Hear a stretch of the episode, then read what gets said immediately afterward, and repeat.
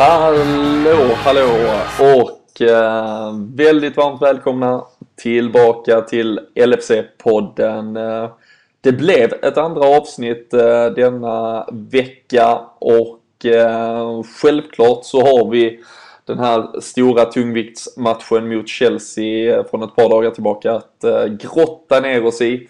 Men eh, nu också blicka framåt, ta ett litet omtag kring den här toppstriden där ingen riktigt verkar vilja utmana Chelsea, ingen verkar riktigt vilja markera vart man är på väg. En veckoomgång här där inte riktigt något lag med undantag för Manchester City satte ett avtryck och eh, vi pratade ju tidigare om vart Liverpools säsong kan vara på väg och får väl anledning att knyta eh, ihop den säcken ännu en gång här idag. Eh, men med mig tillbaka från eh, avbytarbänken. Eh, Christian Andersson, eh, det var ett tag sedan. Ja, nu har man suttit på bänken ett tag så nu får man vara tillbaka igen. Jag har varit lite sjuk och krasslig men det är alltid kul att komma tillbaka och få diskutera lite. Lufta sina vingar lite. Du har slaviskt följt Sadio Mané på Afrikanska mästerskapen istället. Men, ja, absolut. ja, det är bra. Och eh, tillsammans då, två comebacker egentligen. Mina, min Coutinho Mané då i så fall, Daniel Forsell. Du, du vilar ju här i början av veckan. Mm, det, det var det som behövdes för att få igång lite hopp om framtiden för laget i alla fall. Jag fick ju vi var ju över det, så vi, man får ju ta på sig lite skuld för den veckan som var och bara blicka framåt nu känns det som. Absolut. Och eh, såklart, eh, jag undertecknad Robin Bylund sitter med här. Och eh, vi eh, kör såklart eh, LFC-podden i vanlig ordning tillsammans med eh, LFC.nu, den eh, officiella svenska supporterklubben. Och Eh, om vi sa att det var väldigt, väldigt nobelt att bli medlem här för ett par dagar sedan så är det väl fortfarande ganska okej okay att eh, bli det utan att kallas medgångare. Det blev en eh, januari som avslutades med bara en seger av nio möjliga. Men eh, sen ska vi ju såklart idag här diskutera om den där eh, 1-1 matchen mot Chelsea kanske ändå gav mer smak kring något annat och kanske en förhoppning om vad som komma skall. Och eh, framförallt som nämnt då med, med ett par konkurrenter som inte heller riktigt tog tag i den där taktpinnen. Och eh, sen har vi ju Hall som väntar, bortamatch och eh, kanske en fallgrop kring det där vi har pratat om förr. The, the Liverpool way, att göra bra matcher mot storlagen och sen falla lite platt när det förväntas eh, enklare resultat. Men eh, Christian, jag tänkte börja en sak med dig. Du är som sagt tillbaka efter ett eh, par veckor så du har ju fått ligga och finurla ordentligt. Men eh, det har ju varit stor debatt i, i England, eh, här eh, hemma, sociala medier kring det här med fansens effekt på Liverpools prestationer. Eh, inför Swansea-matchen, om vi spolar ett par veckor, så var ju Klopp ute med att han ville se ett Anfield som fortsatte koka så att säga och sjöng fram sitt lag. Tyckte inte att han fick den responsen.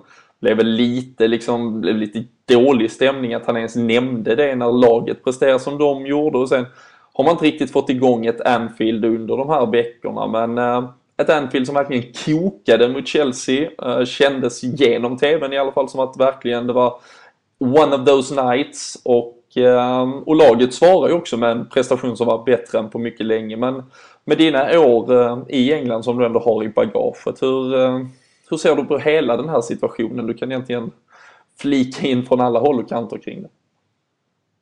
Jag tycker egentligen att diskussionen nu är likvärdig vad den var då också när jag var där. Ehm, det var ju både goda och dåliga tider om man säger så under den tiden. Och eh, jag tycker att det är en upp och nergång som pågår mest ja, alltså den pågår hela tiden och man tycker ju någonstans att det ska kunna vara bra stämning eh, mot vilket lag man än spelar. Men det finns väl en naturlig orsak till att det blir liksom en, en, en bättre stämning mot till exempel Chelsea och särskilt den historien som har varit mot Chelsea sedan Benitez-tiden och alla de mötena vi hade där under senare 2000-talet i Champions League och i ligan också. Men eh, ja, det snackas ju en del och Eh, det är ju eh, som sagt local som skyller på att det liksom blir mycket turister på plats och att det kanske många är där och filmar, tar foton. Eh, turister skyller istället då på att eh, många locals bara är sura och bittra och, och klagar och att de sitter liksom ner då lite kanske äldre eh, män och damer och inte eh, bidrar någonting till stämningen. Så det är egentligen, jag tror att allting påverkar. Det är en svår debatt också. Och det har ju pratats om det här med safe standing, hur mycket det skulle kunna göra om det någonstans i framtiden skulle bli aktuellt. Jag tror personligen att det skulle göra jättemycket, men det är en svår fråga i Liverpool som vi redan diskuterat på grund av historien med Hillsborough. Ehm, det kommer alltid finnas motstånd till stå, ståplatser i Liverpool. Ehm, även om den yngre generationen kanske på något sätt blickar framåt och, och vill införa det igen. Men sen så såg jag ett klipp eh, på Redman TV med Eh, en eh, lokal supporter. Det måste varit direkt efter Southampton tror jag. Eh, kan det ha varit. Jag är inte helt riktigt säker nu men det var någon av cupmatcherna i alla fall. Och han gick ut och sa det här liksom att eh, topp 6-lagen i England eh, har blivit liksom Tourists Club om man säger så. Och det var väl kanske många som misstolkade den och jag diskuterade lite på olika forum och så men jag tror inte han direkt specifikt skyllde på turisterna rakt av utan att just att utformningen i, klubbfotbollen idag och särskilt i England gör att de liksom drar in så mycket pengar på turismen både klubbmässigt och i staden och allt det här att man utformar klubben lite för att det ska bli mer än en stor upplevelse än just 90 minuter eh, passionerad fotbollssupport liksom till ett lag som egentligen många locals vill men kanske inte alltid bidrar till heller. Så att jag förstår hans utformning lite men det ligger, ansvaret ligger lite hos båda grupperna. Eh, det här med att man ska filma och fota tycker jag är liksom helt okej okay om man kanske gör det i början om man inte varit där inne och man tycker att man vill ta in det minnet och bevara det. Men när matchen väl är igång så tycker jag personligen att fokus ska ligga på att sjunga och vara lite galen. För det är liksom någonstans det som bidrar till mycket. Eh, så att, eh, jag vet inte, jag tycker, tycker att du... ni får också flika mm. in lite vad ni tycker. Absolut, vi kan, Danne, vi kan gå över till ta utgångspunkt lite trots att det är det här också som... För som sagt, vi, vi, vi satt ju bredvid varandra på den där eh, Swansea-matchen och liksom, det, det är ju ganska... Det är ganska svårt att plötsligt också bara liksom gå in till en sån match. Det är avspark 12.30 liksom också gå in och liksom bara ställa sig och, och, och, och dra igång det här eh. hur, hur, tycker du liksom, det krävs väl något från spelarna? Alltså, man, ska Klopp liksom kunna förvänta sig att han får en, en Chelsea-kväll varje vecka? Eller hur ska, vad ska liksom vara en, en vettig medelväg i allt det här? Nej, det är en svår fråga. Jag eh, är ju lite inne på Krilles spår som han nämnde i början att jag tycker att det har varit en debatt så länge jag kan komma ihåg nästan kring eh, att eh, stämningen blir stadigt sämre och Samtidigt tycker jag väl att vi under de senaste åren har fått se rätt fantastiska toppar. Både i fina Europakvällar. Eh, vi hade säsongen 13-14 som ändå inte är så länge sedan då våren egentligen ju på Anfield var helt fantastisk med, med allt vad det var i, i det titelracet liksom. Och eh, nu blir det väl kanske inte något eh, lika spännande, det vet man ju inte riktigt, men till denna säsongen. Men då, jag tror att det är det som hjälper mycket såklart. Men det, och det är ju bevisligen då att det är spelarna, för det är ju ändå spelarnas förtjänst att det har dratt igång lite bättre under när man ändå är inblandad i något, alltså titelrace, eh, cup, eh, då, alltså framförallt Europa kanske, som, som ju många minns, eh, många fina kvällar på Anfield under eh, många år egentligen. Och eh, jag tycker väl, precis som du är inne på med Swansea, jag menar, man kom ändå dit taggad och, och mycket. Det var ju bra sång kan jag tycka, You know walk alone och lite i början. Men när det blir det här tafatta spelet, det, det, är ju klart att alla som är på plats blir, blir matta. Så, såväl eh, supportrar som spelare tänkte jag nästan säga. Så att man, man tappar ju lite och det tycker jag både märks på planen och på läktaren och det tycker jag egentligen inte är något konstigt så eh, faktiskt. Utan jag tycker väl att det behövs man märker ju som Chelsea till exempel och vi pressar på lite, vi sätter någon bra tackling, då, då blir det ju liv. Och det tycker jag även det blir i kanske de matcherna som är lite mindre med all respekt då, men som inte är topp 6-klubbarna då. Mm. Och det är ju framförallt alltså det jag tycker det, det, det trista på något sätt. Alltså för jag känner på något sätt att det var liksom där och då när, när Klopp gick ut och uttalade sig så blev det ändå först och främst där lite fansen mot, alltså så här liksom, nej men vad fan, skyll inte på oss nu för alltså spelarna kan också bidra. Men sen så, så kommer ju alltid slutklämmen på det och det är ju diskussionen mellan, om vi ska kalla det två grupperingar där de, den ena anser sig vara den liksom den trogna, den liksom bergfasta delen av Anfield som, som hör hemma där. Medan på andra sidan är det de här då turisterna som de, eh, som de får kanske då lite, lite taskigt benämnas och, och på något sätt eh, vare sig vi vill eller ej så kvalificerar vi väl oss någonstans där mitt emellan kanske men eh, ses väl som turist av Skausarna åtminstone. Men och där är ju liksom jag tyckte jag läste väldigt bra om det till exempel, liksom den här äldre delen av supporterskaran som vi pratar om som liksom som har sjungit fram Liverpool genom Europa på ett 70-tal, ett 80-tal de förtjänar ju på något sätt att sitta på sin säsongsplats och bara, och bara ta in fotbollen. Njuta. Det är kanske de sista 5-10 åren av liksom att sitta och verkligen njuta av fotboll de, de just nu lever och självklart ska de få göra det. Och eh, samtidigt som Christian nämner så, så har vi också skapat, vi är idag en, en fotbollsmaskin. Det är liksom, vi skriker efter att vi vill värva spelare till höger och vänster och och det gör ju med all respekt även scousers. Det är inte något att de bara står att vi ska fostra lokaltalanger rakt igenom. Utan de vill ju att vi är ett liksom miljardomsättande företag i stort sett och då krävs ju såklart liksom den här turismen om vi nu lite slarvigt vill kalla den den. Men, eh, men sen som, som båda två ändå nämner så är det ju någonstans i slutändan måste vi närma oss att alla såklart ändå vill bidra under match. Men, eh, men jag tycker också spelarna, snarare jag, jag, jag, hoppas verkligen vi kan komma ifrån det här att det ska beskyllas på Anfield vem det är som liksom sjunger mest, mest eller minst eller bidrar till mest engagemang. Utan snarare att spelarna måste ge sitt och sen så bör det ligga på allas axlar att trots allt ha något gemensamt ansvar. Men, ehm, men det är en svår nöt och den, eh, det, det diskuteras ju ständigt känns det som. Mm, så, jag var faktiskt inblandad i en ganska intressant diskussion eh, kring just det där. Du nämner det med de här äldre som har sjungit eh, fram oss egentligen under de mest framgångsrika åren som sitter där på sina säsongsbiljetter idag. Och det, där kan man ju tänka på just eh, den biten att det är ju faktiskt med, alltså under alla år som, som vi har varit supportrar kan jag lova, så har det varit en helt sjukt, sjuk väntelista liksom på de här säsongsbiljetterna. Det är ju ingen ruljans på dem alls egentligen.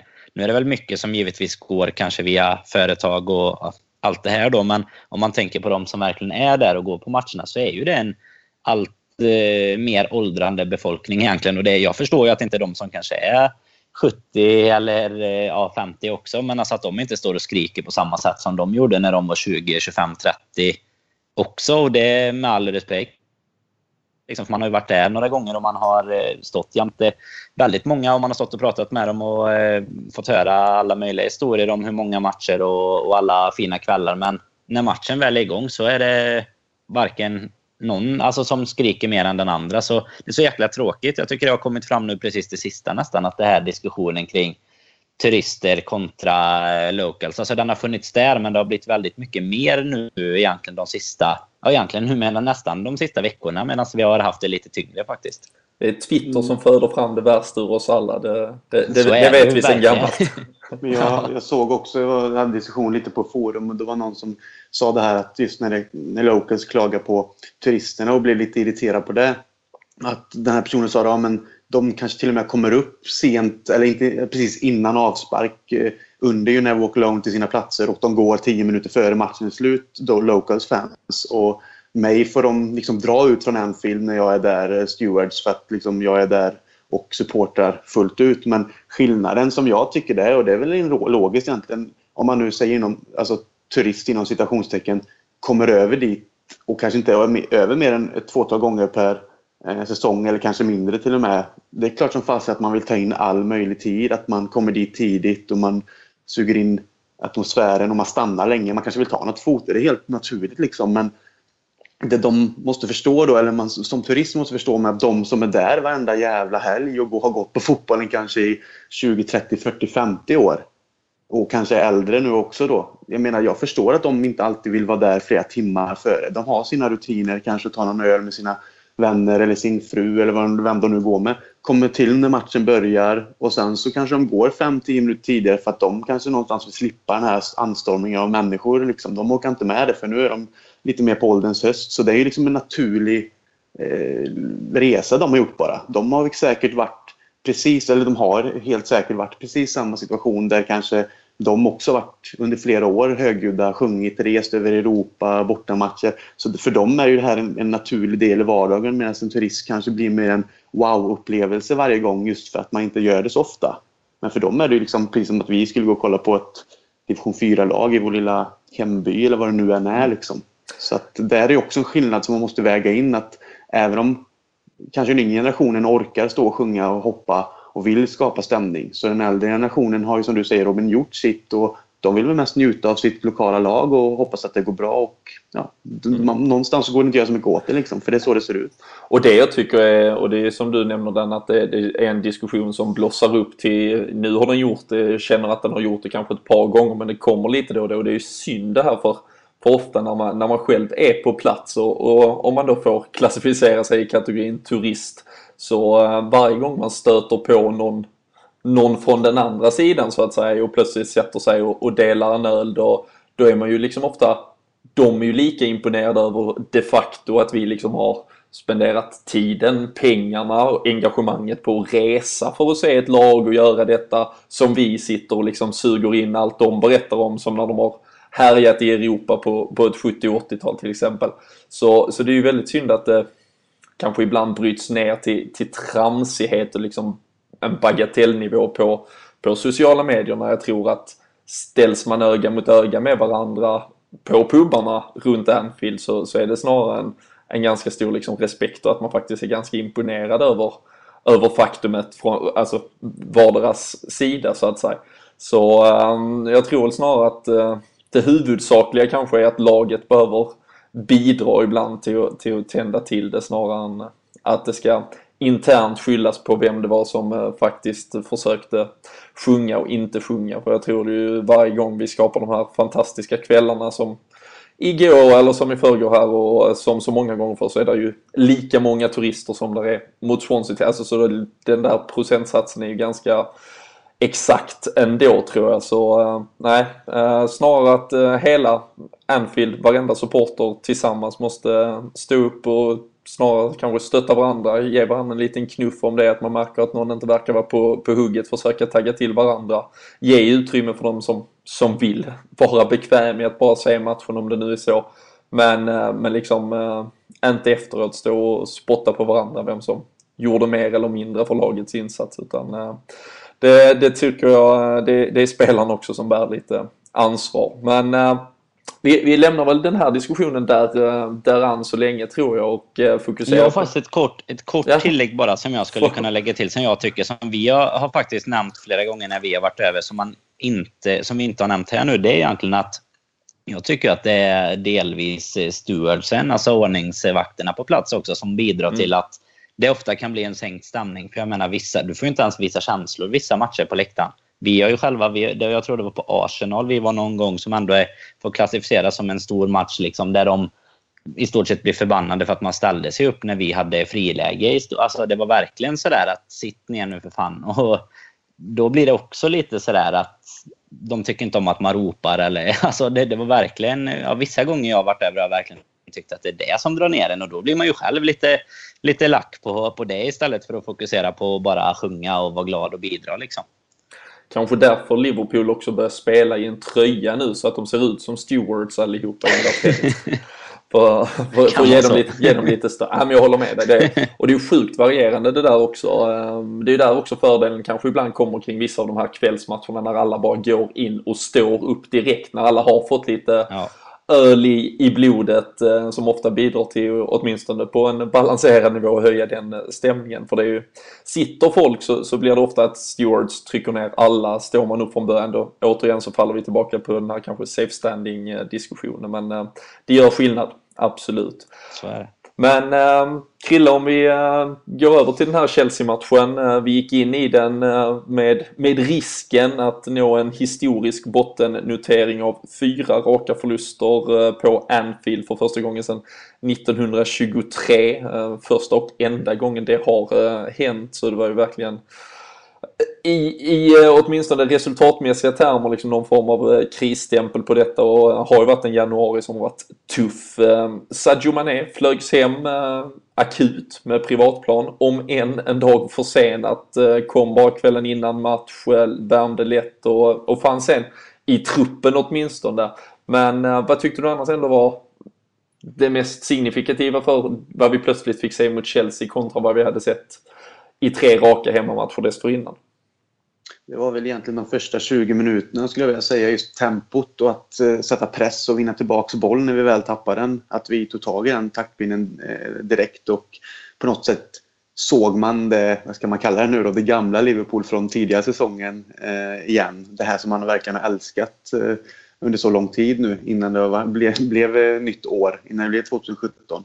Um, ehm, så såg man ju de här tendenserna till hur vi kan liksom liksom redan försvara på motståndarnas planhalva och vinna tillbaka boll och på så sätt sätta press. Så det var det första steget enligt mig och sen så eh, tycker jag väl någonstans också liksom att visa att vi kan ändå ja, både spela bättre och stå jämnt med det laget som egentligen ja, är formstarkast och bäst i ligan sett till tabellen och som har en startelva och även en trupp som är liksom, eh, den är ju världsklass egentligen om man ser till spelare. Så att jag tycker det är kul att se att vi liksom ändå kan ta tag i det och vi visar att ni ska inte tro att ni kommer hit liksom och, och, och vinna utan man, man står upp och på något sätt försöker komma tillbaka till gamla takter. Så det, det var det första som jag blev riktigt eh, nöjd över.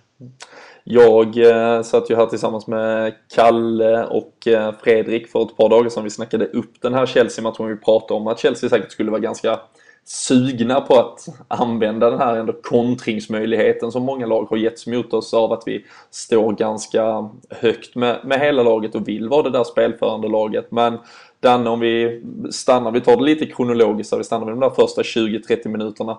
Det var, det var Chelsea som var verkligt nedpressat. Tror du att de ville vara så nedpressat som de var? Eller eh, var Liverpool faktiskt bättre än vad till och med de hade kunnat förutspå där?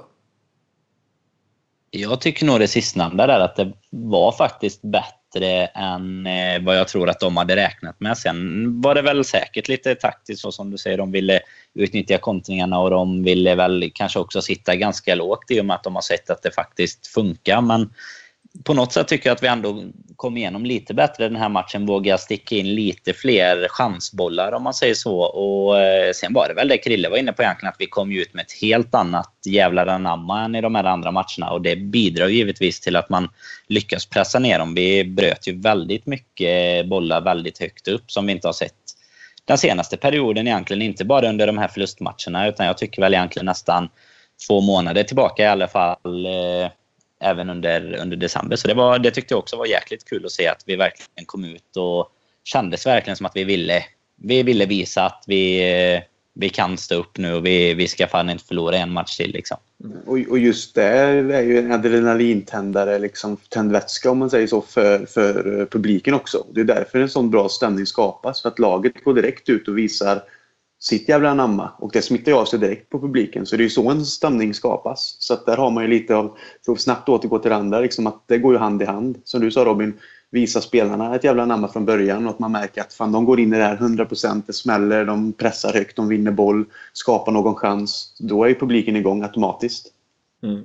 Och det, är ju, det har vi pratat om flera gånger tidigare och det, det behöver ju som sagt inte vara ett ett, ett tidigt mål. Liksom. Det, det, är inte, det, är inte på, det är inte den svåra nivån utan det är liksom lika väl en vunnen andra boll eller att man hinner ikapp liksom en, en löpning som ser omöjlig ut. Ehm, så nej, det var ju verkligen ett Liverpool och eh, har liksom med, med facit i hand så minns väl många kanske Roberto Firminos insats för och två åtminstone verkligen en målsumpade situationer men, men tyckte ändå framförallt inledningsvis att man såg att Liverpool på något sätt hittade tillbaka till ett spel när han var den här nummer nio spelaren igen, när han fick vara väldigt, väldigt delaktig i hur Liverpool satte in den första pressen och det, vi, vi, blir ett extremt mycket bättre lag. Vi blir, alltså hela vår defensiv blir extremt mycket bättre med Roberto Firmino som nia och eh, nu har vi ju, vi kommer att snacka mer om det snart, men vi har ju förhoppningsvis då vårt, vårt, vårt bästa lag så att säga nu intakt och eh,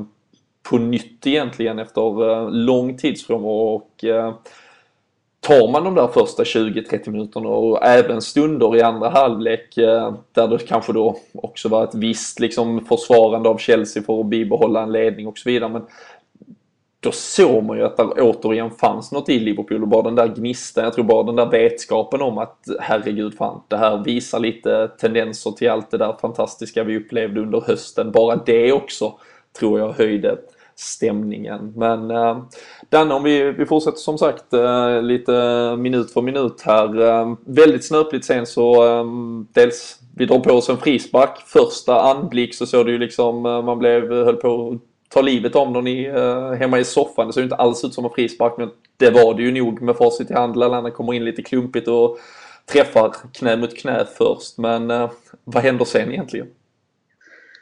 Nej, eh, jag är väl inne på ditt spår till att börja med det med, med frisparken. Att först tyckte man ju bara att det var en vanlig, som man alltid sa när man var lite yngre, rak arm ungefär. Alltså att det bara var en vanlig duell. Men det är väl, eh, han kommer in lite efter egentligen. Och eh, sen fick vi knappt se vad som hände. Vi såg Williams ansikte rejält inzoomat i tv-bild och helt plötsligt var bollen stolpe in.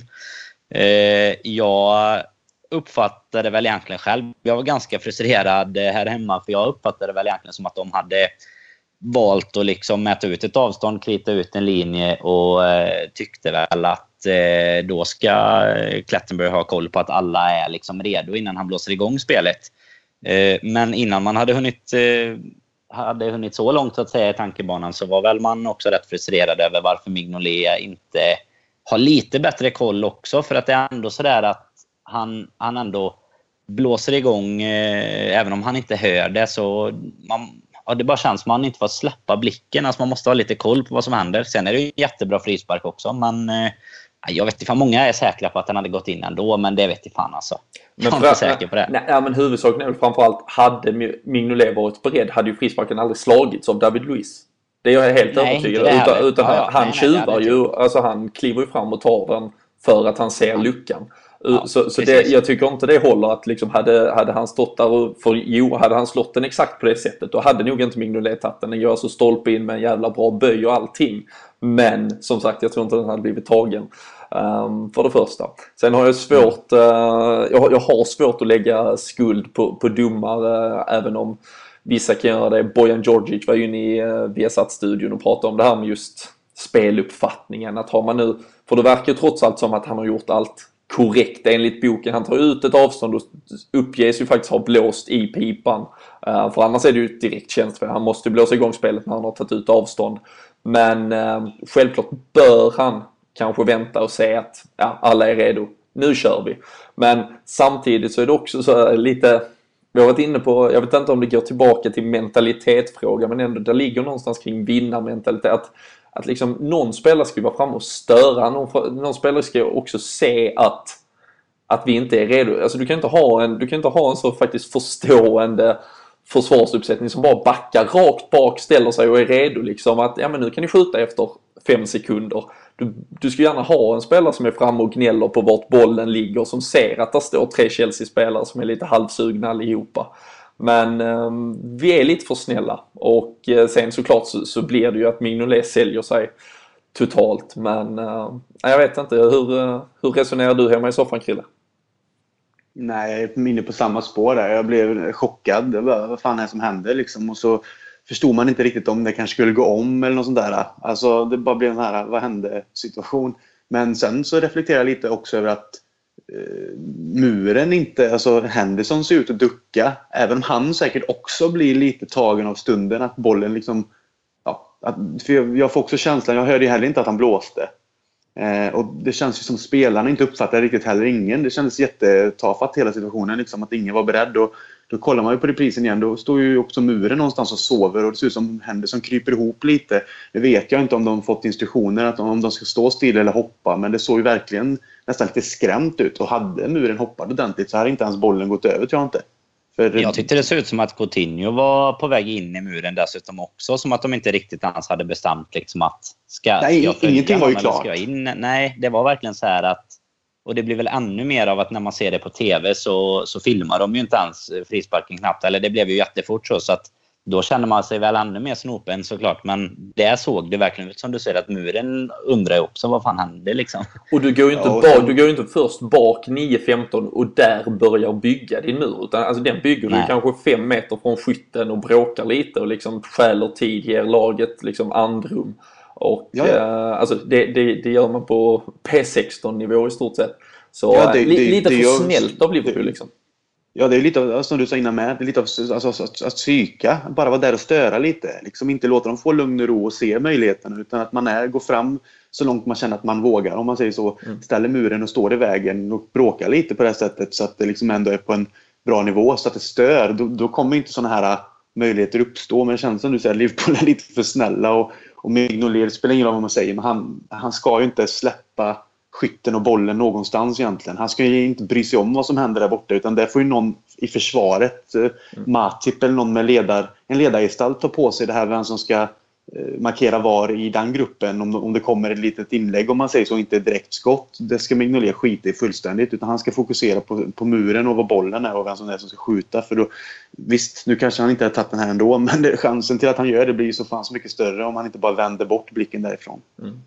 Nej, det var också liksom verkligen ett, eh, jag kändes lite så här eh, kniv, kniv i hjärtat. Kändes som Chelsea inte riktigt hade varit framme och hotat. Det kändes som att vårt spel där också kom av sig och egentligen den första halvlek som sen bara vattnades eh, ur egentligen. Eh, vi var inne på Sadio Mané och man började ha liksom, man satt där i halvtidsvilan och tänkte att nu kanske det var, var dags för honom. Sen plötsligt ser man bilder att han sitter med ett eh, isbandagerat knä istället och eh, då höll man ju på att gräva ner sig helt istället. Nu, nu kommer han visserligen in senare men eh, frågan är ju, vi har inte fått något nytt heller, vi har inte riktigt något vi kan säga inför Hall här och vi får väl se där hur, eh, hur hans fysiska status är om han är tillbaka och går in i den där startelvan. Det ska vi prata lite om sen.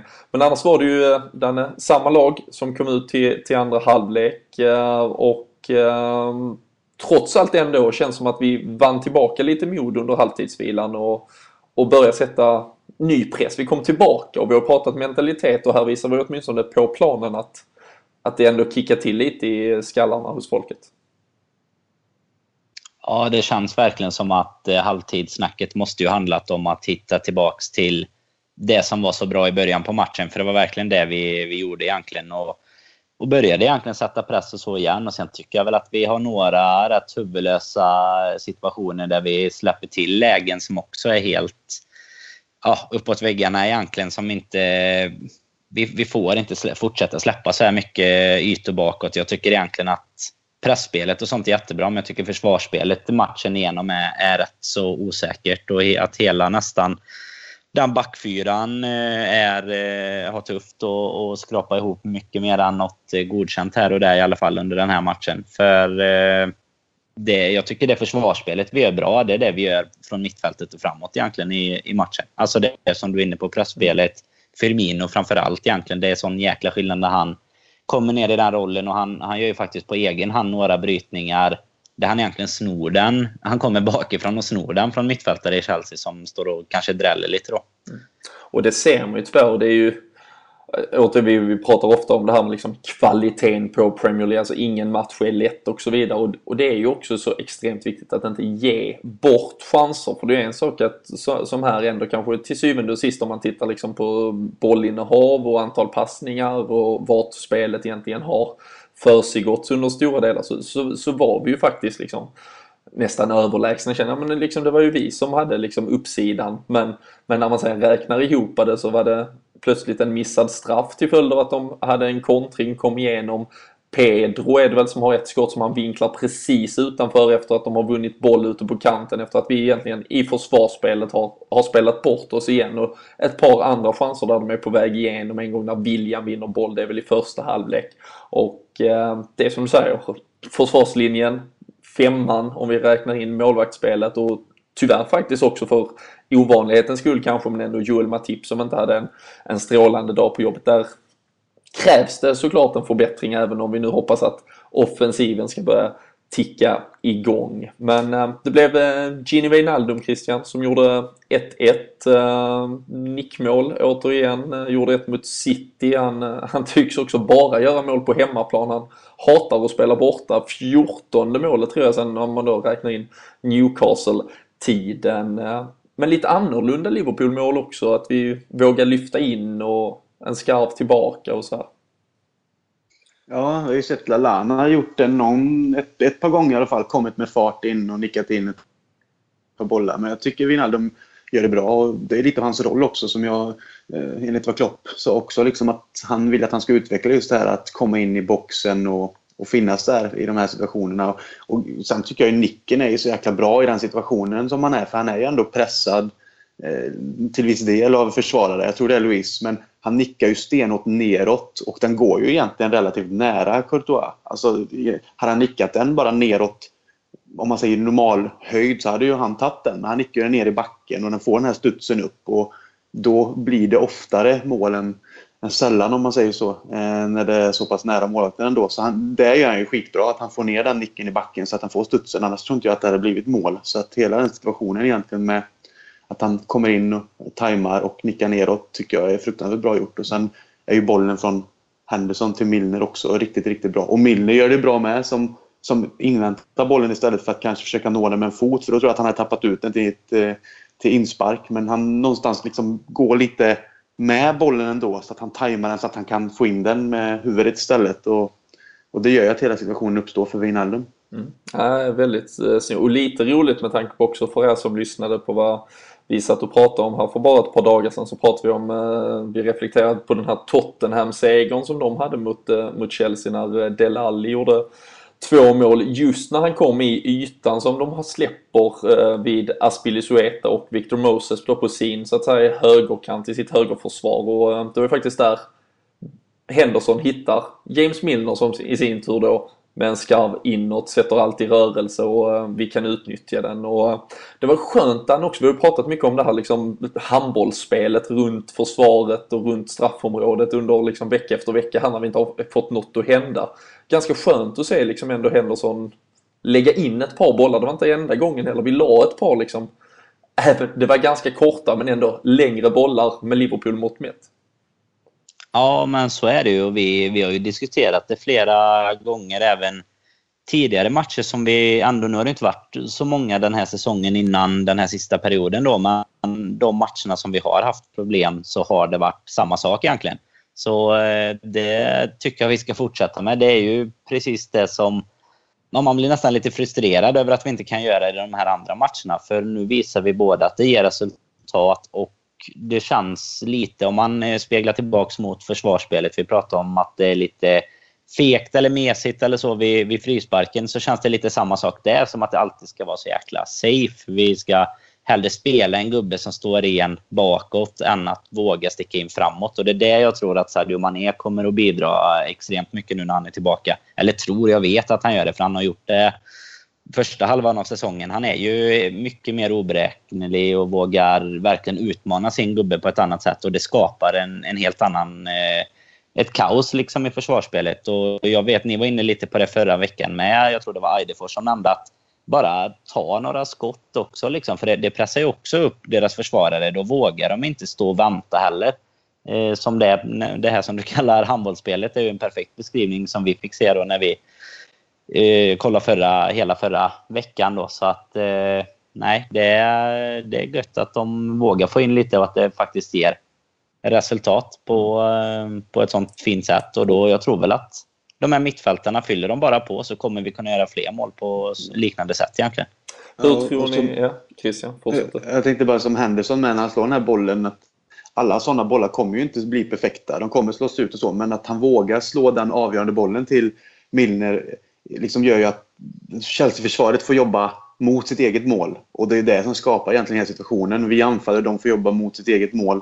Och kan vi fortsätta att sätta in de avgörande bollarna och förhoppningsvis hitta dem eh, liksom fler och fler gånger i till exempel mot de mindre lagen som vi haft svårt att bryta ner så kommer vi också göra mål. Men det är ju ingenting egentligen som är lättare att försvara för ett sånt sittande lag om bollen bara går liksom, i sidled runt som ett handbollsspel som ni säger utanför straffområdet. För då behöver du knappt, du behöver ju bara flytta med egentligen. Det är ju liksom inte någonting som tar ut dig som eh, motståndare där du blir trött. Men får du hela tiden vända dig om och jobba hemåt och springa fullöpningar neråt, liksom, även om det inte är alltid långa löpningar, så kommer det bli skitjobbigt att försvara dig mot det. Om det kommer de här avgörande bollarna som sticks in lite snabbare med tempo så tror jag att Liverpool kommer göra fler mål på det sättet också.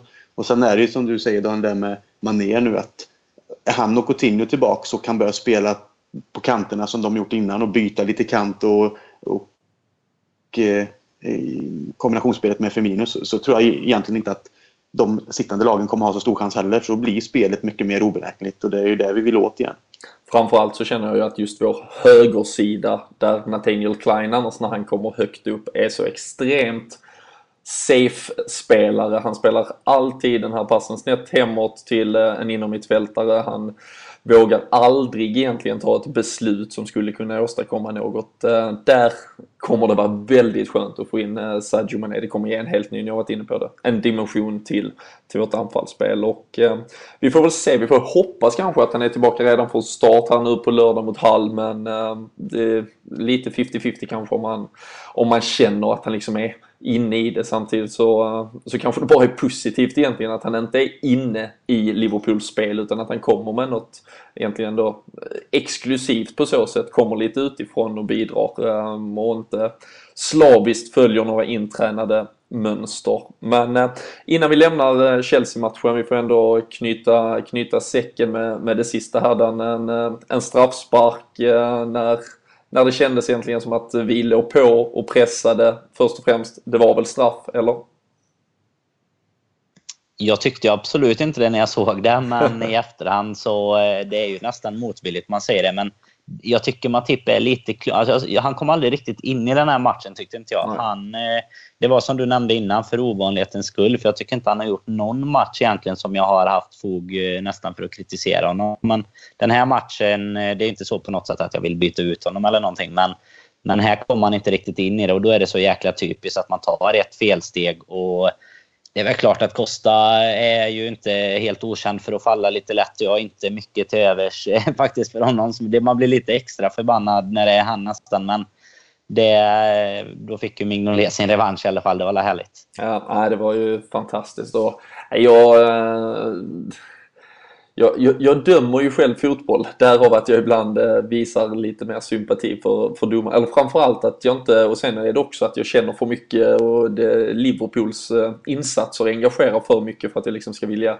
lägga det på en domare. Jag tycker ändå ofta att man kan bryta ner det till att det finns någonting i spelet som hade kunnat förhindra det mesta här och, och, här är det snarare att Liverpool hade säkert kunnat bli räddade i något läge. Jag tror nästan, fast att jag tycker att det absolut verkligen är straff så tror jag faktiskt att det hade kunnat vara en 50-50 situation om vi hade tagit alla Premier League-domare just med historiken. Diego Costa har det, går ganska snabbt, det är mot de Kopp. Eh, man hade kanske tvekat men, men det, är, det är så dåligt försvarsspel av Liverpool på så många punkter där och framförallt också att Matip följer med liksom i försvar. Alltså du får ju ta den här tacklingen utanför så du, ska ju ta, du får ju ta ner honom utanför straffområdet om du känner att, och framförallt i en situation där du kanske känner att du inte riktigt är inne i matchen. Du ska kanske inte förlita dig på att du kommer ha känslan att sticka in en tå liksom i, i sista avgörande skede i eget straffområde. Så eh, nej, jag tyckte det var absolut straff. Fantastiskt att Mignolet tar den. Och eh, om man på något sätt väger in kanske att vi på något sätt förde spelet kontra vilka chanser Chelsea skapade så, eh, så är väl 1-1 också ganska rättvist Krille när vi summerar det hela. Ja, det, det, tycker jag faktiskt. Jag menar, det kändes väl ändå någonstans att vi hade möjligheten till att faktiskt vinna den här matchen. Men ser man sen till hur matchen artade sig liksom och hur det såg ut och just det här med att de får den här straffen som också är straff. Jag tyckte heller inte det såg ut som straff från början så jag satt där och svor som fan för mig själv. För jag tänkte just Diego Costa går ner lätt, liksom, ditt as. Men när man, när man såg reprisen så var det liksom, ja, ett taffligt försvarsspel. Och det är som du säger Robin, antingen väljer man att ta ner honom utanför eller så tycker jag att Bojan Djordjic förklarade väldigt bra i studion efteråt med. Vilket jag också eh, faktiskt funderar över när jag såg reprisen sen. Det att Matip ger ju han alternativet att gå in på insidan. Mm. Vilket gör att han hamnar på fel sida. Han ska egentligen bara ge han enda möjliga vägen att gå. Det är på utsidan. Liksom. Att han han behöver liksom han, han ligger nästan lite för långt fram och tar inte in, alltså går in på rätt sida om man säger så. Så att han tvingar ut honom för att gå runt och ta ett avslut. Han, han låter faktiskt honom få möjligheten att vinkla in bollen och försöka gå på insidan på avslut. Och, och, och där är egentligen misstaget redan gjort och då blir det väldigt lätt att han hamnar på efterkälken och, och fäller honom i det läget, vilket han gör. Så att, det tycker jag Bojan hade 100% korrekt. Liksom, att det, det försvarsspelet måste han bara... Det finns bara ett sätt och det är att tvinga ut honom liksom, ut på utsidan. Men eh för att gå, återgå då till resultatet så tycker jag absolut att 1-1 är rättvist och det är ju ändå ett steg framåt för Liverpool sett till resultat som har varit och helst då att vi inte förlorar matchen och tog det här dråpliga i så fall som det hade varit. Eh, rekordet. Eh, rekordet. Jag, det var, jag, jag fasade nästan mer för det än att det var att förlora mot Chelsea. Hade jag förlorat mot Chelsea någon annan match som inte hade varit det där rekordet som hade legat på då, då hade jag liksom, visst det hade inte varit kul men det hade väl varit fine någonstans. Det hade kunnat vara vilket lag som helst nu och jag hade alltså gråtit. Det, det får bara inte hända så jag är så jävla glad att det, att det är över nu. Men eh, ja, ett steg framåt i alla fall spelmässigt och vi får hoppas att vi kan fortsätta med det för det, det är den vägen vi behöver gå helt enkelt. Ja. Vi äh, lämnar Chelsea-matchen här. Du fick nästan äh, ganska exakt en hel äh, halvlek här då tillsammans med den här läktarfrågan och så, eh, så får vi väl snabbt också passa på att kanske fakturera Bojan Djordjic efter att han har fått eh, fyra shoutouts nu tror jag i, i dagens avsnitt. Så eh, det kan vara att vi får slänga iväg någonting. Men ehm, Danne samtidigt som då 1-1 delad poäng, man kan säga lite vad man vill. Men, men tillsammans med veckans övriga resultat att Arsenal samtidigt förlorade hemma mot Watford, ett Tottenham som lika horribelt dåligt som oss då för ett par veckor sedan bara fick ett kryss mot Sunderland, sen ett Manchester United som inte lyckades besegra Hull, som vi nu möter alldeles strax här. Och, ehm, och i övrigt då egentligen bara ett Manchester City som sagt som, som levererade i den där toppen så, så är vi ju nu liksom vi, vi är liksom ur eh, kanske då krisen. Vi ser till att det inte blev den där eh, historiskt jättedåliga hemmasviten. Och Eh, vi har ju tillbaka laget. Truppen är numera intakt. Vi har inget kuppspel. Vi kommer kunna egentligen... Vi har ju liksom 15 matcher kvar på hela säsongen.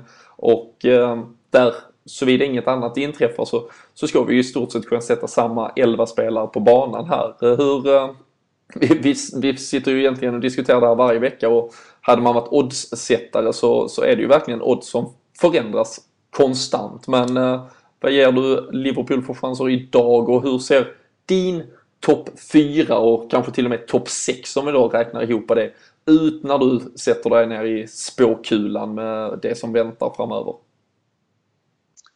Ja, det är, jag tycker att det är ju, eller det är ju inte jag som bara tycker det givetvis. Det är ju helt eh, omöjligt tänkte jag säga, men det är väldigt svårt att, eh, att utgå och sätta en topp 6. Det är väl vissa positioner, framförallt eh, första positionen där jag känner att de flesta kanske är överens. Där har jag ju Chelsea givetvis. Och det är väl, jag, jag ser inget som kan hindra dem de har liksom inga Europaspel eller något heller som kan ställa till det och så för dem. Och, och jag tror väl att just Europaspelet är sånt som kommer kunna påverka väldigt mycket för beroende, alltså de klubbarna som går långt i Europa League eller Champions League då kan, eh, det kan påverka deras slut positioner i, eh, i Premier League sen. Och eh, där har ju vi en fördel om man nu ser det så. Det, man vill ju givetvis vara där och spela men det är ju en fördel när man kollar matchandet och vi ser ju det definitivt historiskt om man säger i denna månaden att vi kanske inte ska ha nio matcher på en månad. Det är inte det som passar oss bäst. Så jag, jag hade väl... Eh, ja, jag vet inte, det är ju hjärtat ofta man tippar men jag vill ju säga att vi kommer tvåa efter Chelsea. Jag tror att det kommer vara ett gap. Jag tror Chelsea kommer vara vad säger man, vinnare i kavaj säger man väl? Någonting. De Mästare i kavaj. Avgjort det. Mästare i kavaj. De, joggar hem detta de, från Mars någon ja, Precis så som, eh, lite så. Men nej, jag tror faktiskt att de någon gång där i april, början på maj redan kommer att eh, ha säkrat det. Eh, sen tar vi oss eh, som tvåa då. Sen tar vi eh, trea kommer och direkt Champions League med. Där säger jag att Spurs kommer komma. Faktiskt. Och eh, det baserar jag egentligen på det spelmässiga. Jag tycker de har spelat riktigt bra, men de har också en ganska tunn trupp. Så de, det, det är liksom en sån här om man nu ska följa mitt eh, på någon eh, spelsida här sen så får man reservera sig lite för att de har en tunn trupp och det kan bli tufft att någon skada kan göra väldigt mycket där. Sen skulle jag sätta City som fyra. Jag mm. tycker ändå att alltså, de visar lite styrka nu denna omgången då och visar att de faktiskt eh, kan komma tillbaka till det där spelet. Och eh, Sen blir det egentligen Arsenal och United då utanför. United blir sexa. De har legat där så länge nu så att det, de har, det får de bli det. De har bo, ja, men de, har, de har cementerat den platsen eh, oavsett. De vann ju hur många som helst på rad ett tag där, så ändå ligger de ju kvar. Mm. Och så eh, Arsenal eh, femma egentligen med motiveringen att brist på eh, alltså placeringar och lag kvar ungefär. Ja. Jag tycker det är så jäkla tajt. Det är riktigt svårt att säga om det det är ganska kul faktiskt att många just nu också, det här är ett fullständigt sidospår, men man refererar ofta då till Liverpool som liksom har horribel form, liksom värsta någonsin, medan United är ett lag med liksom eh, vind under vingarna. De har alltså, eh, sedan de mötte oss så har de eh, spelat lika mot Stoke och Hull i ligan och förlorat mot Hull i ett returmöte i ligacupen. Så det, det är väl också lite förväntningar och, och så här vad, man, vad som ställs eh, på lagen. Men eh, ganska skönt när man summerade och insåg att vi har haft vår värsta månad i stort sett eh, i klubbens historia och United tog in eh, tre poäng i ligaspelet på oss och då har vi dessutom mött Chelsea bland annat. Så, eh, så där får man ju ändå ge, ge på något sätt eh, Liverpool och, och faktiskt ett, ett litet tack till våra konkurrenter att de uppenbarligen inte har varit mycket bättre heller Krille. Så eh, din topp 6 nu när du smakar lite på det. Mm, den ser väldigt eh, lik eh, som Daniel faktiskt, men eh, jag ser ju också givetvis Chelsea etta och det är egentligen just för att de ligger de ligger med sina poäng utan Europaspel och sen är ju nyckeln som jag tycker det är ju eh, Kanté. Han är ju skillnaden från förra säsongen och det ser man ju också på Leicester liksom. De gick och vann eh, förra säsongen och nu ligger de eh, långt ner i tabellen så att han är ju en spelare av högsta klass som jag tror att gör skillnaden helt enkelt. Två har jag faktiskt satt eh, Tottenham och det är också som Daniel säger där att de har en tunn trupp men när de väl spelar liksom sitt spel så har de en grym defensiv och eh, Dele Alli som jag fortfarande gråter lite över att inte vi lyckades snappa upp eh, är en grym fotbollsspelare och kommer antagligen, tror jag, tillhöra världens bästa och det ser man redan nu att han vilken talang han har och vad han är kapabel till. Men så har de Harry Kane som är han igång och skjuter mål så tror jag att han kommer ta de, just Eriksen, Dele och Kane kommer ta Tottenham till andra platsen. Trea säger jag Liverpool då. Just efter, eftersom att vi har mycket hemmamatcher. Vi har klarat av de stora jättarna och kan vi nu då bygga momentum på att vi har haft den här krisen och, ta, har tagit oss ur den och liksom någonstans visa ett jävla namn igen så tror jag att vi kniper tredjeplatsen. Fjärde platsen, där sätter jag Man City.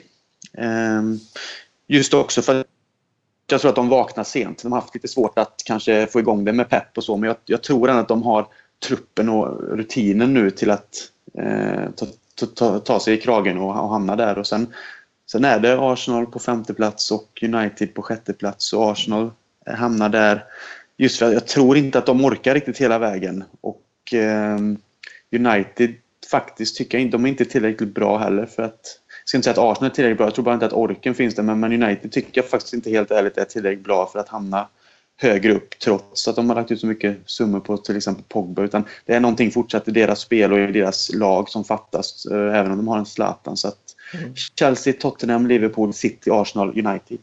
Snyggt. Um, kan ju komma lite kort, snabbt, enkelt med facit här då i, istället innan vi joggar vidare. Men Chelsea tror jag väl redan har egentligen eh, vunnit Eh, skulle man liksom på något eh, litet, litet vänster hitta någon liten twist på det så, så krävs det ju verkligen att de förlorar mot Arsenal åtminstone här till helgen. Men eh, det tror jag inte de gör. Bara ett oavgjort skulle nog i stort sett också säkra deras liksom framtida ja, eh, liksom ledartröja i detta. Men en vinst så är det ju verkligen eh, avgjort. Men eh, sen tror jag däremot att Manchester City kommer komma igång tillräckligt här. Gabriel Jesus är en fantastisk värvning tror jag för dem. Tror jag han kommer ösa på med ett par bollar och, och man har tillräckligt mycket alternativ offensivt nu för att kunna kompensera med det där försvarsspelet som de inte riktigt får till att fungera. De har ju tillsammans med oss släppt in 28 mål, vilket är ganska anmärkningsvärt dåligt för att ligga så högt som man gör. Men eh, City tvåa tror jag. Sen tror jag att vi, väldigt optimistiskt och med hjärtat, trots att man har varit negativ ett par veckor här, eh, så tror jag vi tar tredjeplatsen. Och jag tror att om Arsenal, vilket jag tror de gör, åker ut här mot eh, Bayern München som de som vanligt får Eh, i ehm, Champions League så ehm, kan de nog ta den. Tottenham och United har ju kanske nackdelen av att de spelat ganska svagt Europa League denna säsongen och eh, skulle ju faktiskt kunna gå långt där och det börjar ju med 16 delsfinal. Det är mycket matcher vi såg det själv förra säsongen eh, hur, hur vi fick ställa upp i Premier League för att orka där till slut även om vi kanske hade gett upp ligan till viss del. Men ehm, mm, Chelsea 1, City 2, Liverpool 3, Tottenham, Arsenal gör upp om fjärdeplatsen och eh, United de, eh, de stannar utanför. 33 gjorda mål varav Zlatan i stort sett har gjort hälften. De, eh, de har ingen offensiv som fungerar. Och då spelar det ingen roll att man ibland kan försvara för mycket oavgjort både på hemmaplan och bortaplan. Så de får stanna där de befinner sig helt enkelt. Men är det någon där hemma i stugorna, tycker ni att vi är helt uppåt väggarna, ser ni andra scenarion framför er så dela gärna med er.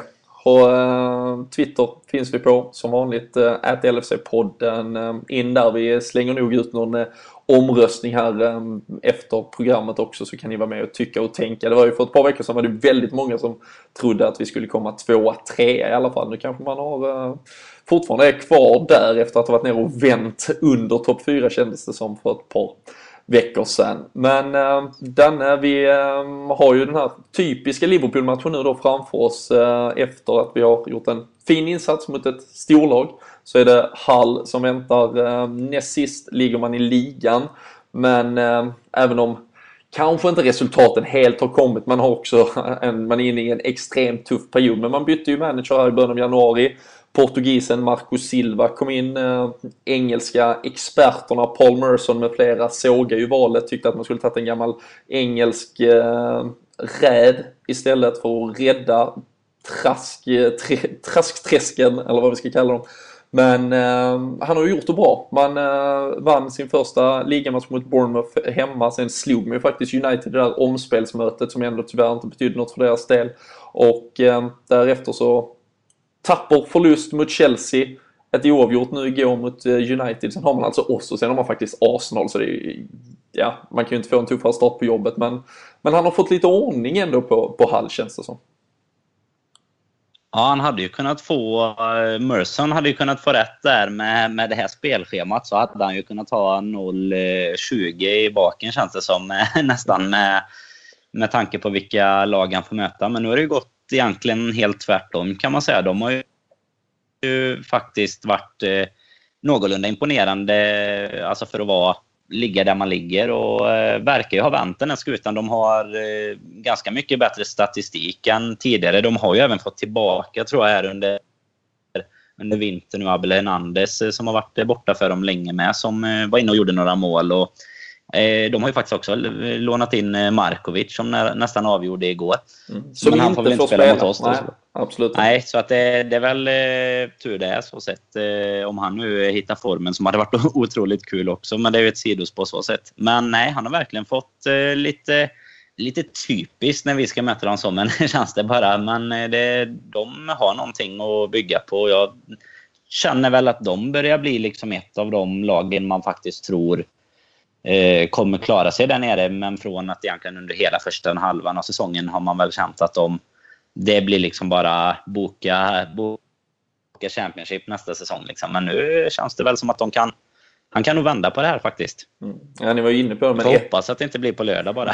ett av de här lagen som kanske har understrukit faktumet att just Leicester som idag ligger på 16 plats kanske, kanske riskerar att göra det ganska historiskt i att gå från att vinna till att åka ur. Men äh, Krille, vi har ju diskuterat det här faktumet förr kring att vi kan prestera bra och sen kommer en en tung eh, snöplig bortamatch. Burnley har vi, Bournemouth har vi, Sunderland har vi. Vi, eh, vi har inte imponerat i de här matcherna. Vi minns också 13-14 säsongen mot just Hull faktiskt. Så, så förlorar vi med 3-1 på bortaplan. Eh, hur är känslan att äh, åka till det här? Kan du spira av något positivt från faktumen att vi har fått tillbaka ett lag, liksom hela den här startelvan eller är det bara rädsla? Jag är väl faktiskt inne på det här med rädsla. Jag tycker inte om de här matcherna i de lägena vi är nu. Alltså, som sagt, hade det varit så att man legat längre ner och man varit för långt ifrån topp 4 som vi varit de senaste säsongerna, då är det inte samma sak, för det står inte samma sak på spel. Men nu liksom är jag egentligen mer nervös för en sån här match än att möta Chelsea hemma. Då jag egentligen var nervös för att det här rekordet skulle, skulle infinna sig helt enkelt. Men att åka till Hall borta och att de någonstans har hittat lite form Eh, han har fått rätt på laget. De liksom ändå någonstans står emot då mot United borta på Old Trafford och har även chans kanske att avgöra. Nu såg inte jag matchen så jag vet inte riktigt hur det såg ut matchbilden så men ändå, det är väldigt starkt att åka dit och, och lyckas med den bedriften. Så att det skulle vara väldigt, väldigt typiskt nu om de tar ännu ett steg mot oss då och liksom trycker dit oss så att vi inte får med oss några poäng överhuvudtaget. Eh, så att det, nej, det är en jobbig match. Mm. Ja, det var ju... Faktiskt. Ja. Helt, klart. Hall var ju äh, lite, lite komisk på så sätt tillsammans med Swansea också. Eh, de två lagen som eh, inledde kanske mest katastrofalt. De har haft eh, absolut sällskap av Sunderland där nere men de har framförallt släppt in extrema mängder mål. Vi gjorde ju ett, ett bra styck antal på Hall i hemmamötet här. Det var ju i den här liksom perioden när vi var i alldeles fenomenal form. Nu har man ju då täppt till det lite. Som sagt, man vann ju mot Bournemouth, släppte bara till ett mål där. Man släppte bara in två mål på så sätt mot Chelsea på bortaplan. Man har ju hållit United till faktiskt bara göra ett mål över två matcher här. Um, och Danne, du var lite inne på det, men det är ju statistiken så här att drygt tidigare så har man släppt till 18 så att säga målchanser. De här statistiksiffrorna är alltid svåra att tyda i, i detalj på så sätt. Men, men nu har i stort sett Marcus Silva halverat detta, så nu släpper man bara till en 9-10 målchanser, så att säga mot sig. Och, och Liverpool kommer ju faktiskt från en period där vi har svårt att skapa just målchanser. Ehm, finns det risk att det blir liksom något 0-0-möte eh, och det här liksom att vi stöter på handbollsförsvar igen och inte vet vad vi ska göra?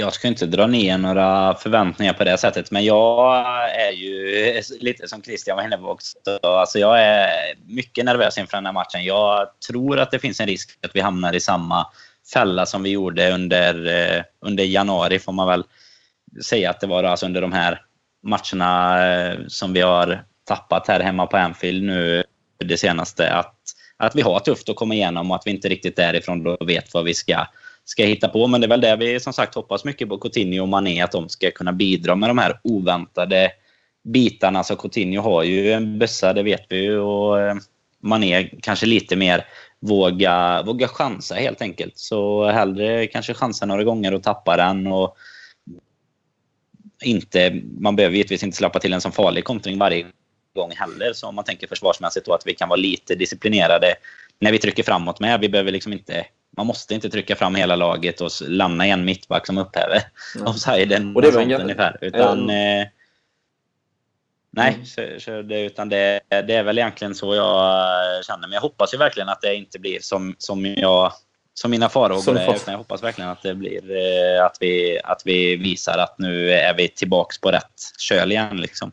Och man hoppas verkligen, du var inne på det, man hoppas ju verkligen, det är min liksom, det är väl den sista så här pusselbiten som ska falla på plats nu för att man ska liksom, kanske på allvar få den liksom, här goa känslan inför det här som kommer att vara liksom, sluttampen på säsongen. Dels att vi kanske att vi vinner för de här poängen skulle vara extremt viktiga men också att man ser att Coutinho kanske är, är tillbaka och liksom, alltså även mentalt om man så, och närvarande och, och, att man får se honom skjuta lite. Han var ju såklart borta två månader och det sätter sina spår både i ben, fötter, eh, hjärna antagligen. Men, eh, men han var ju ganska slarvig om vi ska uttrycka det snällt mot, mot Chelsea och liksom eh, skillnaden med att, liksom, att tappa en boll utanför straffområdet eller att ta ett avslut om oavsett egentligen vart det landar. Det, åtminstone så ger det oss chansen att falla tillbaka och liksom gruppera ett försvarsspel. Så jag hoppas också att vi får se, framförallt om det blir liksom ett väldigt tätt spelande Hall, att vi får se Coutinho våga trycka på och, och testa. För eh, det, det kommer antagligen behövas om vi vill liksom bryta lite mönster. Också kanske att vi, vi fullföljer på det här som vi såg då tendenser mot Chelsea att Henderson med flera lyfter in ett par bollar om det behövs. Men eh, annars kring egentligen diskussionen kommer väl såklart vara dels får vi se här om Mané är redo att starta. Vi kan väl antagligen konstatera att om han inte gör det lär vi ju få se samma lag som mot Chelsea. Men, men om han går in i startelvan så är väl diskussionen troligtvis om Emre Can eller Gini Wijnaldum ska ge plats. Eh, hur hade du eh, gjort i den frågan? Det är ett enkelt svar. Jag hade tagit ut Chan, det ner Lana då. Också Mané till höger helt enkelt. Ehm, det var så Liverpool spelade under början av säsongen och under hösten och det var också då vi var som bäst. Och jag tycker att eh, Även om jag gillar ändå Chan personligen, men han har, inte, han har inte haft sin bästa period nu som egentligen hela laget i, i januari. Så, men jag tycker att Wijnaldum någonstans bidrar lite mer till eh, alltså, kombinationsspelet plus att han nu gjorde han ju mål också, men det känns lite som att han de rollerna som mittfältet blir med Lalana, Henderson, Wijnaldum fungerar bättre tillsammans sett till vad man ger laget än med kanske Chan då. Han har ju en fysik som passar väldigt bra kanske när man möter, ja, som Chelsea också, men United där man får springa in mycket i situationer och vara stor och liksom springa mycket. Men jag hoppas man ändå att Liverpool någonstans kommer föra spelet även om det är borta mot Hall. Och just när det kommer till att föra spelet så är inte Chan eh, enligt mig den bästa. Det, då vet han inte riktigt vad han ska göra och eh, då tycker jag att Wijnaldum länkar ihop bättre mittfältet med de andra och det skapar... De, de är tre olika spelare på ett annat sätt och det är så jag hoppas att det blir i så fall. Sen får vi se om Mané startar men det jag tänkte säga innan också med att vi spelar mot Hall borta är ju ändå att någonstans har jag ju ändå förhoppning att de försöker trycka på vilket för, alltså inte för mycket säkert, men det lilla i alla fall som gör att det skapas lite mer yta bakåt än vad det kanske gör om vi spelar på hemmaplan så att säga. Och att det kommer skapa mycket ytor för Mané att komma in i just med hans snabbhet bakom backlinjen. Det hoppas jag på. Mm. Danne, vi, vi börjar närma oss övertid här men du får ge ett kort eh, resonemang kring om du, om du tänker något annat kring eh, startelvan eller eh, skriver vi under på vad coach Krille har sagt? Nej, jag skriver under fulländat på att det är chans som ska ut och min, min korta version av hans formdipp egentligen tycker jag framförallt är Dels att han inte, som Krille säger, ska vara med i det här om vi ska vara spelförande. Men sen tycker jag han har spridit extremt mycket bollar. Jag tyckte han gjorde det mot Chelsea också. Det var faktiskt en av dem jag var mest frustrerad på under första halvleken. Jag tyckte han kastade bort dem till höger och vänster och slog långbollar som han eh, absolut eh, i nuvarande form inte var kapabel till att göra. Så jag tror att han eh, hade mått bra av att kanske få en match på bänken. Och absolut inte så att jag skulle vilja bli av med honom. Jag tror han besitter en jättepotential. Men eh, han, eh, han kan få vila och så kommer han tillbaka starkare lite senare här under säsongen. Det, det låter bra. Äh, jag, eh, ni, ni har skött snacket så snyggt där och jag instämmer till, eh, till fullo. Men eh, som sagt, vi får ju se på lördag om eh, troligtvis då diskussionen står mellan om det blir Emre Can, eh, Wijnaldum eller Mané som eh, till slut eh, sätts på bänken. Men eh, vi hoppas i alla fall på att Sadio Mané är tillbaka och vi hoppas att det är Wijnaldum som fyller den där mittfältspositionen. Det, det var ju som sagt, som ni har nämnt, det var så vi tickade på i full fart eh, under hösten och eh, det är nog där vi ska lägga våra pengar om vi hade varit bettare så att säga på att uh, det är det som ska få Liverpool att prestera bäst under våren. Men uh, med det sagt så uh, summerar vi väl här och tackar för oss idag. Eh, vi lovar nu verkligen här på heder och samvete att nästa vecka så är tipstävlingar och annat tillsammans med Sam Dodds tillbaka. Det är, så, det är så kort inpå bara här från att avsnitten skjuts ut till att det snart är match och vi har tyvärr inte liksom hunnit styra den logistiken. Men eh, njut av avsnittet här, hoppas ni har gjort det. Och eh, så eh, klämmer vi av Hall och visar att vi är tillbaka på riktigt här på lördag. Och så hörs vi igen i början av nästa vecka och så lovar vi att vi hittar rutinerna igen på tävlingar och eh, annat. Men eh, surfa in på LFC.nu så länge. Lös ditt medlemskap om du inte har gjort det. Och eh, i övrigt, ha det riktigt, riktigt bra så hörs vi snart igen.